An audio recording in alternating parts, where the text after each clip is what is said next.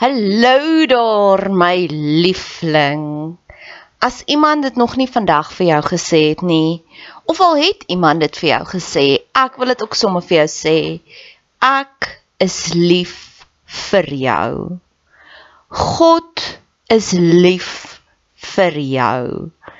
Die feit dat jy hierdie pot gooi luister, beteken dit God het groot planne vir jou en hy wil hê jy moet verder dink en groter dink.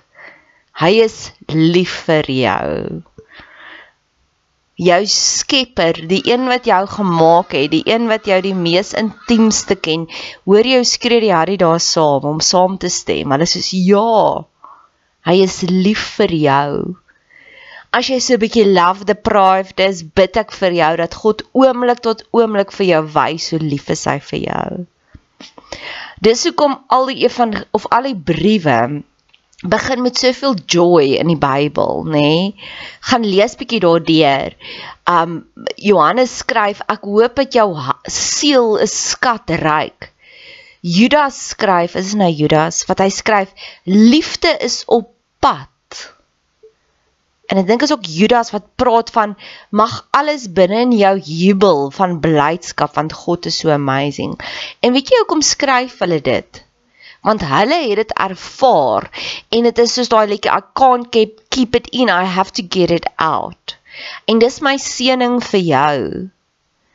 Al hierdie verhoogde emosies wat ek ervaar, mag jy dit ook ervaar want ek weet hoe voel dit om daaronder te wees en dood te wees binnekant maar ek weet ook hoe voel dit om te vlieg soos 'n arend. Mag jy dit vandag ervaar. Dankie dat jy tyd spandeer op my kanaal. Dankie dat jy jou kosbare tyd investeer. Maak kontak. Ek love dit om van julle te hoor. Niks gee vir my soveel joy soos om te sê 'n boodskap neem. Ek is op al die platforms, Instagram, Facebook. Stuur vir my 'n Facebook boodskap, Bet Seber en ek stuur sommer vir jou my selfoonnommer. Laastens, as jy wil betrokke raak, asseblief doen. Ek het altyd hulp nodig. Hulp nodig aan bemarking, hulp nodig as jy van jou tyd wil investeer in koninkrykswerk. Jy hoef nie net pannekoeke te bak by die kerk bazaar om koninkrykswerk te doen. Jy hoef nie net soos jy Jehovah getuies gaan klop aan deur om te sê wil jy deel word nie. Daar's soveel meer maniere. Geniet die podcast. Dis 3 minute. As jy as jy dit een keer geluister het en jy wil dit elke keer forward, ek gaan jou eer 3 minute. Nog 'n stereotipe en jy kan dit weaponize. Dis waarna ek nou soek. Here, ek wil dinge weaponize. En ek wil ook dinge wat wapens is artikels van liefde maak. Né? Nee? Want dis wat in Jesaja beloof word. Wat hy sê is die wapen sal omgedraai word in in 'n livelihood. Dit kom nou weer alles terug na livelihood. Na tuinbou gereedskap wat op daai stadium was om jou te laat livelihood. Ek glo hierdie trauma wat ek nou weer ondervind het, hierdie skok wat ek nou weer ondervind het dat ek is om so min werd dat hy is bereid om Russian Russian roulette speel met my livelihood. Dit gaan nie meer nou eers meer net oor 'n verhouding nie. Dit gaan oor ek sal jou verwoes. En ek sal dit so publiek doen. Dis is Vladimir Putin. Ek het nou net gegoogel. Vladimir Putin is het twee kinders. Nou meen hy's 'n narcissus en 'n psigopaat ek het al genoeg dokumentaries kyk oor hom wat hulle ook sê is dit wat hy tans doen met Oekraïne verstaan die feit dat hy so hiper ooreageer met Oekraïne daar was al baie ander lande wat nader is aan hom wat aan NATO wou behoort het hy wou op 'n stadium aan NATO behoort het hoekom ooreageer hy nou so met Oekraïne want dis psigopaties dis narcissisties Iemand wat ooreageer. Hierdie is die tweede video gaan af die tweede podcast gaan luister die eerste een waar ek kom vertel van die bankteller. So hierso's iets wat ek wel vir jou wil sê wat ek al weaponize, weaponize goeie dinge. Terapie.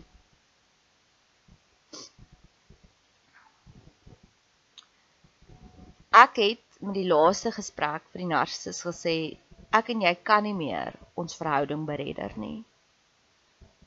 Ons kan met iemand gaan sit en gesels, 'n professionele persoon en dan kan ons 'n plan uitwerk. Hy weier om te gaan vir terapie. 'n Narcissus glo nee. Ek dink nie hulle glo dit nie.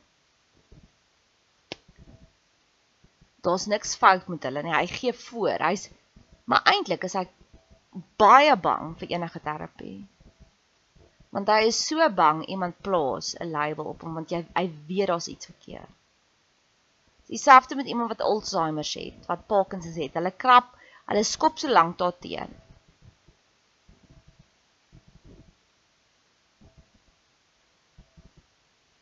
Jesus sê geseënd is die wat arm van gees is.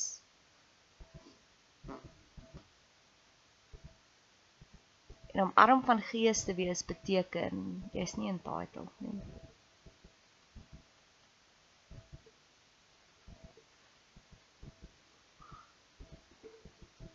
Hulle dink hulle is God. Dit was die een wat ek geluister het wat hulle sê is dink hulle dink narcissiste hulle optrede is normaal. Dan sê die ou nee, hy weet dit is nie normaal nie, maar hulle dink hulle is God. Hulle kan enigiets doen. Nou, weet jy, dit kan nogals met 'n mens se kop smokkel, nê, nee? want ek wil gou-gou terugkom by die begin. Die duiwel het na Eva toe gegaan en gesê God het mos gesê jy mag nie van hierdie boom eet nie. Die duiwel gebruik altyd 'n half waar leen. Onpaarpare laas, nê? Nee? Hulle maak 'n stelling wat eintlik half wat reg klink, maar daar's 'n leuen daarin. 'n Narcissus gee altyd hulle aandag is soos poef wat hulle in 'n goue sak sit en dan moet jy dankbaar wees daarvoor. Dit dis so 'n narcissus se se se aandag vir jou voel. Ek is gewalg, maar daar's 'n goue stryk daarom so dis 'n geskenk. Wat? Wat? Dis so hulle woorde vir my voel. En dan voel dit nog so skuurpapier ook. So hulle dink hulle is God. My narcissus, nee, ek wil hom nie eens my narcissus noem nie. Ek wil nie hom claim nie. Hy's niks van my nie.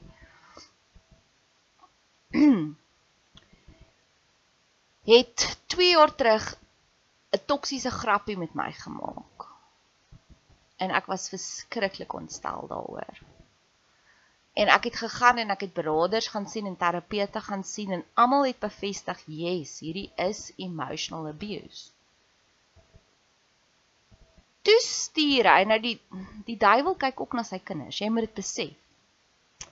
Toe stuur hy vir my 'n boodskap om te sê hy kan nie ophou om my te dink nie, is alles oukei okay. en ek is soos nee. En hy sê vir my nou maar wat's fout? Ek sê jy Hy sê, "Wat het ek gedoen?" En ek sê daai grappie, "It's not on." En hy sê toe vir my, "Nee, maar ek is te oorsensitief." Van daar af het hy al vir my geskenke gegee wat halfpad waar is. Hy weet ek is ek is geestelik, maar soos wat my ander goeie vriend vir my die hele tyd sê, as hulle weet nie met wie hulle doen nie, nê. So my foolproof wat ek het ek het vir hom 'n ultimatum gestel in die gees om te sê Here as ek verkeerd is as hy nie 'n narcissus is nie as hy iemand is wat ek moet vertrou moet hy dit doen. So ek het dit met die Here. Hy doen 'n klomp ander goedjies wat ampertjies reg is. Maar dan die hele tyd dan dink ek, o, so hy hoor wel die Heilige Gees se stem, maar nou vooroggend besef ek nee, hy hoor die duiwel se stem. So my advies aan jou is doen ietsiekie, sê ietsiekie van moet dit nie sê nie, dink daaraan. Want die duiwel is, hy kan hy kan ons gedagtes lees, nê. Maar as jy iets neerskryf soos Here dit of as jy dit vir 'n vriendin sê, dan hoor die duiwel dit en dan kan hy dit vir daai narcissus sê. Want ek is al op daai vlakkie waar daar is geestelike dinge wat ook hier aangaan. En so weet jy, okay, jy is gecover. Hulle kyk met hoeveel kan hulle wegkom. En dis waar ek vir die Here wil sê geseënd is hulle wat honger en dors is na geregtigheid.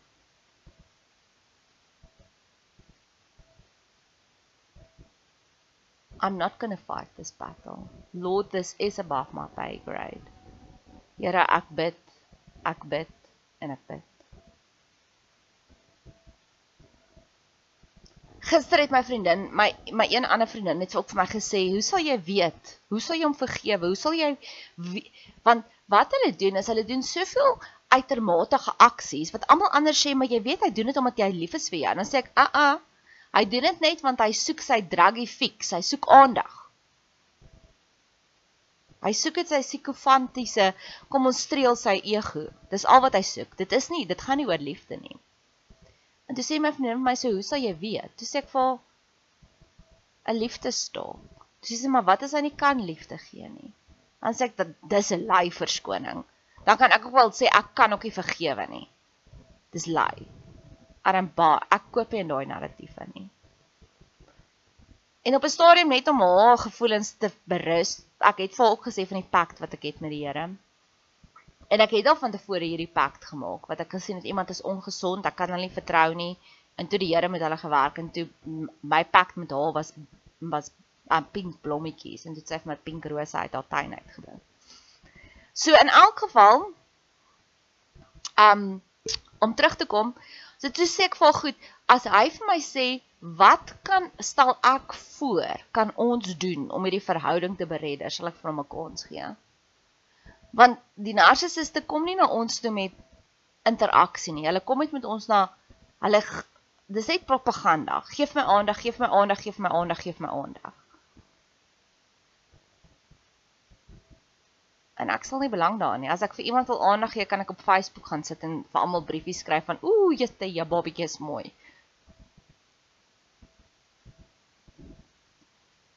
Um maar die liefdestaak en dis so amazing Here is gisteraand kry ek 'n boodskap van my vriendin af. Kyk, ek het vir jou 'n pink TLB gekry.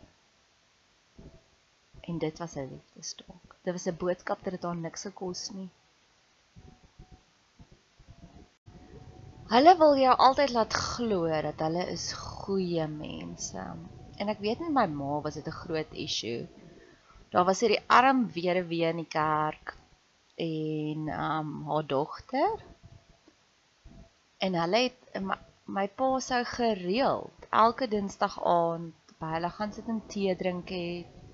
vir die huisgenoot gevat het vir hulle brood gekoop het. En dit het my ma gewal. En nou verstaan ek dit want ja, kyk net hoe amazing is ek. Ek is die een wat elke dinsdag aand by daai tannie gaan kuier. Hoe kan jy nie van my hou nie? Hierdie is boodskappe van my lieflingsvriendin af wat ek nou eers gaan luister.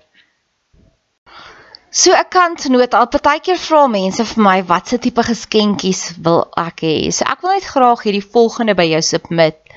Indien my podcast enigsins vir jou lekker is, is jy baie welkom om vir my 'n boodskap te stuur. Jy kan my vind op op Facebook Bet Seber, op Instagram Bet Seber, B E T S E B E R.